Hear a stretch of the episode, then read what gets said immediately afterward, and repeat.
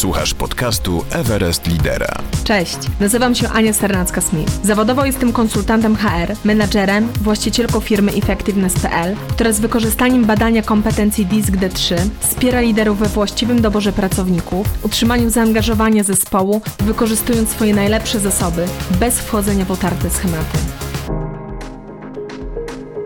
Tytuł tego odcinka: Jak być asertywnym szefem i nie zepsuć relacji z pracownikami. Cześć, dzień dobry. A właściwie to dobry wieczór, bo zdradzę Ci, że moje dziecko śpi, wokół mam ciemność, a ja tutaj sobie do Ciebie mówię. I to są najlepsze warunki dla mnie do nagrywania tego podcastu, bo zdradzę Ci też, że kiedy e, nagrywałam pierwsze odcinki, robiłam to w ciągu dnia. Co chwilę coś zabierało moją uwagę i no, na nagranie odcinka poświęcałam naprawdę mnóstwo godzin. Więc stwierdziłam, że no nie ma co, tylu godzin nie mam, a chcę się dzielić wiedzą, więc potrzebuję rzeczywiście mieć ku temu sposobność i ta ciemność rzeczywiście mi pomaga. A dzisiaj temat nie byle jaki, bo poprzyglądamy się tematowi asertywności. To jest taki temat, który chciałoby się powiedzieć, nie schodzi z podium zainteresowania. Chyba tryliony książek napisano na temat asertywności. Jeszcze więcej jest szkoleń. Wierzę, że może i Ty przechodziłeś treningi asertywnościowe. Natomiast gdybyśmy sobie tak szczerze powiedzieli, jak często z tej asertywności korzystamy,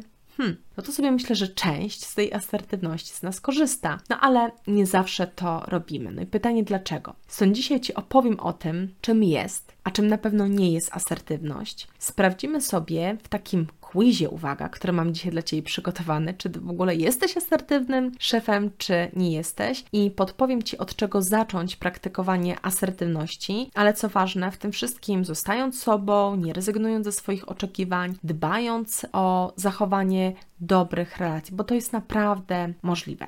Zacznijmy od tego wspomnianego quizu. Tak, quizu, więc to nie jest żadne badanie kompetencji, tylko sobie trochę poeksperymentujmy, pomyślmy o tym, jak mocno jesteś asertywny. Zadam Ci na początek trzy pytania, odpowiedz sobie na nie w myślach, tak czy nie.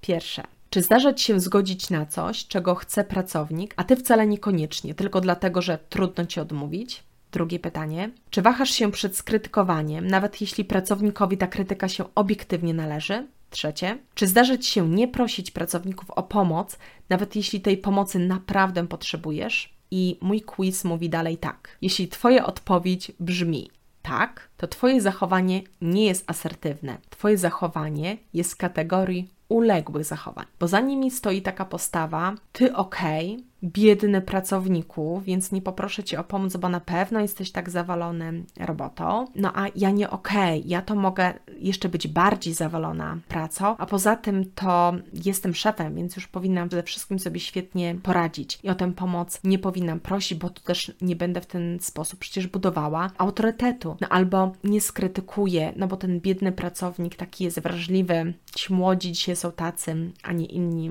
więc oni są ok, ale ja nie jestem ok.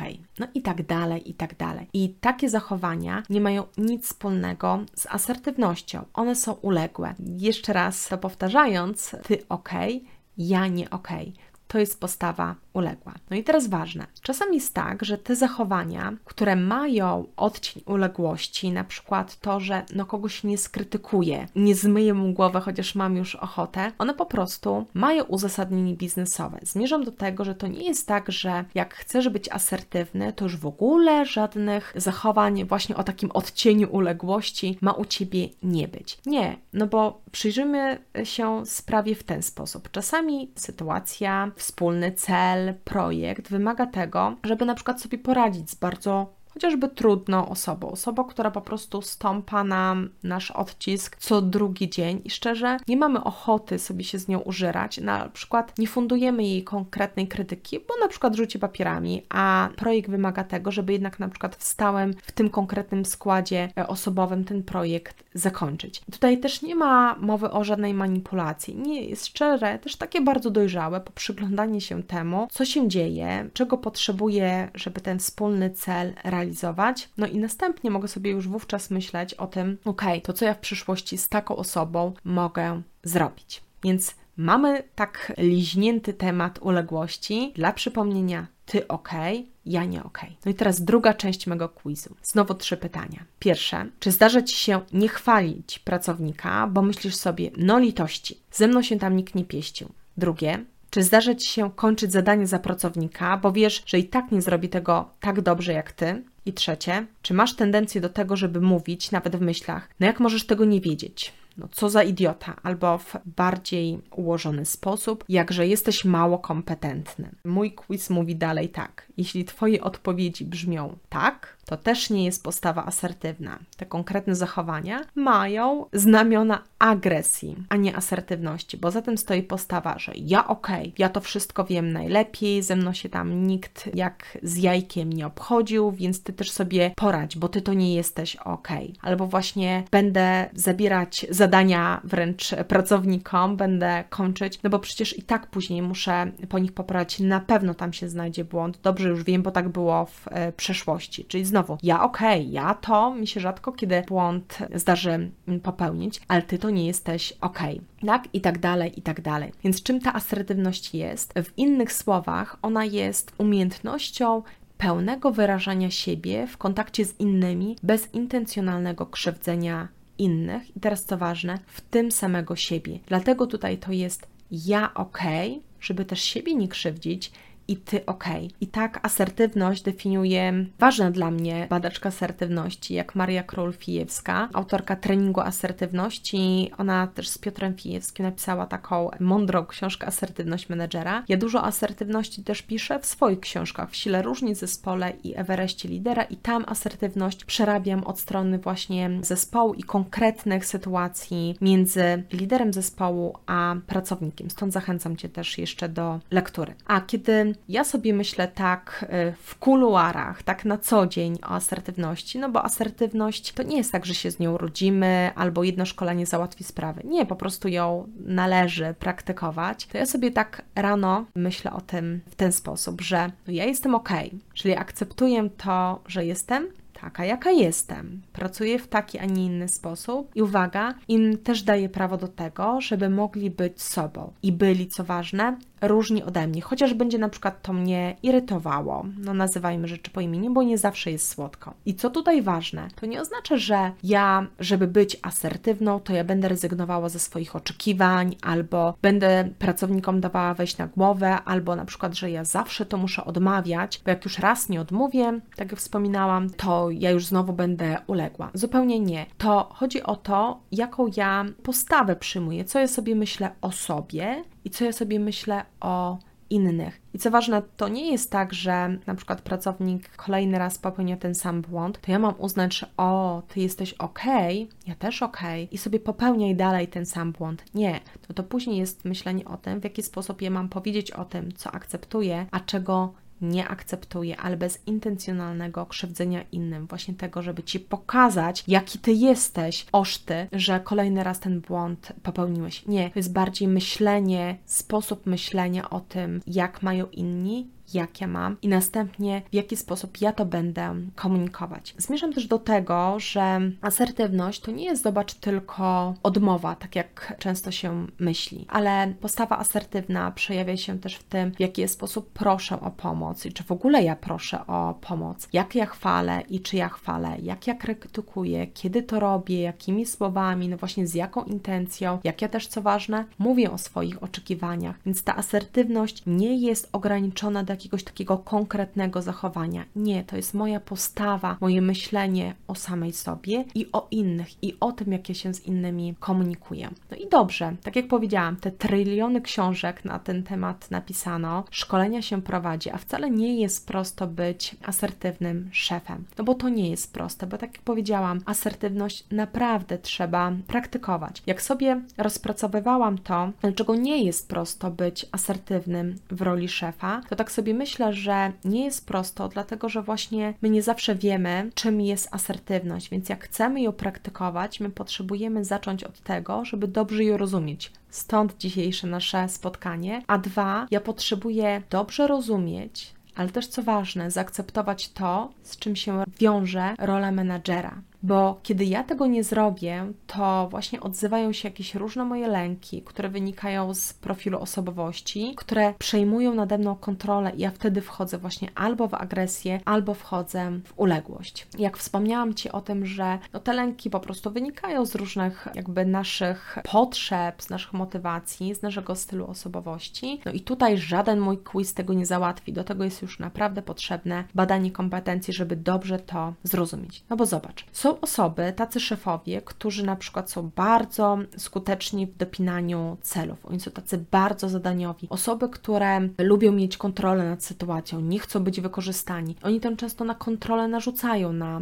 pracowników, nie dają na przykład im prawa do błędów, oczekują podobnej postawy do swojej, na przykład w tym, że ktoś będzie szybko podejmował decyzje, że będzie szybko wpadać na rozwiązania, że będzie na sytuację spatrzeć z lotu ptaka, a nie przez pryzmat szczegółów. I co warto, żeby tacy szefowie wiedzieli o sobie, jeśli chcą praktykować asertywność, asertywność, która jest potrzebna do tego, żeby budować właśnie autorytet, żeby tym samym utrzymać dobre relacje z pracownikami i rozwijać pracowników, no bo to jest de facto zadaniem szefa. Tacy szefowie, ci tacy dominujący, warto, żeby pamiętali o tym, że właśnie ich zadaniem nie jest rozliczać i oczekiwać, że inni będą pracowali tak, jak oni by pracowali. Zadaniem szefa zespołu jest rozwijać pracowników. I tutaj potrzebują tacy szefowie pamiętać, że ci inni nie będą tacy szybcy jak oni, nie będą tak decyzyjni, nie będą tak strategiczni. No nie będą, no przykro mi. Ja bardzo długo z tym się tak nie mogłam pogodzić, że no mnie to nikt za tę rękę nie prowadził, a ja na przykład pracowników niektórych musiałam, czy czasami muszę poprowadzić za rękę. Ja dzisiaj, mając też taką osobowość, staram się nie nadużywać swojej właśnie siły. Stawiam na to, żeby moi pracownicy pracownicy widzieli we mnie lidera, a nie na przykład agresora czy ignoranta ich potrzeb i ich stylu komunikacji. No długo by o tym opowiadać, ale przejdźmy sobie do innych szefów, no bo mamy też różnych szefów i też skutecznych. Będą tacy szefowie, którzy są nastawieni na to, żeby w zespole panowała dobra atmosfera, mają łatwość walenia pracowników. Oni dbają o to, żeby być zaakceptowanymi w zespole. Ich największy lęk jest taki, że zostaną odrzuceni przez ten zespół. Stąd im nie jest prosto na przykład podejmować trudne decyzje, a co jeszcze gorsza, w ogóle te trudne decyzje zakomunikować. I mam w swoim doświadczeniowym kajecie taki takich szefów o podobnym profilu osobowości, którzy trudne decyzje gdzieś tam po kątach czy na końcu spotkania komunikowali, żeby tylko odwlec do tego ostatniego momentu no, zakomunikowanie tej trudnej decyzji, bo strach przed tym, że pracownicy ich odrzucą, był tak silny. No, a kiedy dzisiaj to o sobie wiedzą, mogą praktykować asertywność. I tacy szefowie warto, żeby pamiętali, że no właśnie znowu ich zadanie nie jest być lubianym, no miło jak nas lubią, ale zadaniem Twoim, taki szefie, jest to, żeby rozwijać pracownika, czyli dalej tak wspierać, czyli chwaląc, jakby doceniając, ale też korygować. Tego Twoi pracownicy będą potrzebować. Potrzebować osoby, która im też zwróci uwagę na to, co nie jest dobrze zrobione. Potrzebują szefa, który będzie dla nich liderem, który pokaże, no właśnie, jak komunikować trudne decyzje, zamodeluje to, w jaki sposób też to robić, na przykład do klientów. Oni potrzebują widzieć w tobie lidera, ale nie kumpla, więc nawet jak wyczuwasz napięcie ze strony pracowników, to się jeszcze to nic złego nie dzieje, to tylko właśnie zachęcam Cię, żeby w takich sytuacjach przyjąć postawę asertywnościową, uznać, że ja tak mam, nie jest mi z tym prosto i jestem z tym ok. Oni też mogą sobie z czymś tam wewnątrz starać się poradzić i to też jest ok. Idąc sobie dalej, będą szefowie, którzy no, są wspaniałymi słuchaczami, bardzo często są empatyczni. To są szefowie, którzy często właśnie tak wspólnie pod podejmują decyzje, oni nie narzucają swego zdania, dają ludziom działać na różne sposoby. Dzięki temu ci ludzie też często z łatwością się przy nich rozwijają. Ale takie osoby mają tendencję do wchodzenia, jeśli nie pracują nad asertywnością, do wchodzenia w postawę uległą, no bo właśnie tak dużo dają innym, zapominając tym o sobie, właśnie nieintencjonalnie siebie krzywdzić. No bo nie poproszę o pomoc, no bo oni też mają przecież dużo, bo przecież no już nie powinienem prosić o pomoc, bo już ja to to powinienem wiedzieć. I tutaj się właśnie kłanie ta postawa. Oni to są ok, ale ja to nie jestem ok. I warto, żeby tacy szefowie wiedzieli o sobie to, uwaga, to może być mocne, jeśli jesteś w grupie takich szefów, że nie jesteś już jednym z nich. Ja wiem, że dbasz o zaufanie w tym zespole i to jest wartość, którą wnosisz i to jest piękne, ale warto, żebyś pamiętał o tym, że no właśnie jesteś równą częścią tego zespołu, ale już nie jesteś w tej samej roli, masz już inną rolę. No często jakby będziesz doświadczać tej samotności, może czasami takiego poczucia, że no właśnie trudności z tym, takiego osamotnienia i to też jest ok. To po prostu wiąże się z rolą lidera zespołu. I ostatnia grupa, o której chcę Ci opowiedzieć, to są szefowie tacy bardzo zadaniowi, bardzo nastawieni na szczegóły, często też tacy perfekcjoniści. Osoby, które też no, w ten sposób takiego działania oczekują od e, innych. Oni się zwykle boją krytyki, dlatego tak zabezpieczają jakość. I ja dużo też w sobie mam tego pierwiastka i to, co mi pomogło w przyjmowaniu postawy asertywnej, to to, no, że właśnie ja dzisiaj to rozumiem. Wiem, że ja dbam o jakość i to jest wartość, którą wnoszę do zespołu, ale uczę się codziennie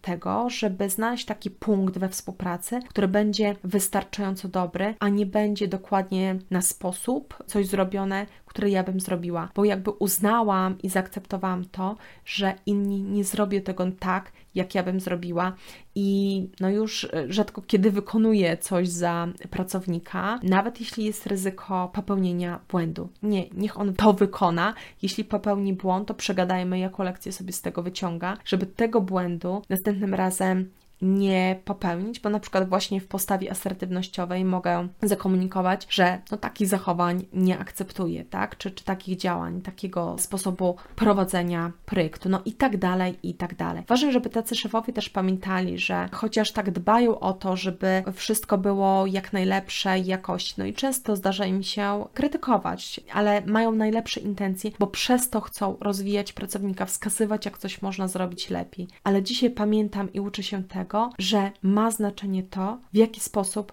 ja będę o tym mówiła. I chciałam Ci pokazać, jak jesteśmy różni. Chciałam Ci zwrócić uwagę też na to, że właśnie z tą asertywnością się wcale nie rodzimy, żeby ze względu na to, w jaki sposób prowadzisz zespół, żeby być asertywnym szefem, nad tym po prostu trzeba pracować. A praca nad asertywnością, dzięki której właśnie budujesz autorytet, dzięki której budujesz zaufanie w zespole, dzięki której też Twoi pracownicy z Tobą mogą się rozwijać, zaczynamy od tego, żeby właśnie siebie bardzo dobrze poznać, bo zmiana bierze się ze świadomości i akceptacji, bo wówczas też nabierasz tolerancji do tego, że uwaga, inni mogą mieć inaczej, co nie oznacza, że masz rezygnować ze swoich oczekiwań. Drugim krokiem w praktykowaniu asertywności jest to, żeby przyjrzeć się sytuacjom, w których właśnie nie jesteś asertywny i sobie odpowiedzieć na pytanie, dlaczego, co się takiego we mnie dzieje, że właśnie wchodzę w ten kawałek uległy albo zaczynam włączać zachowania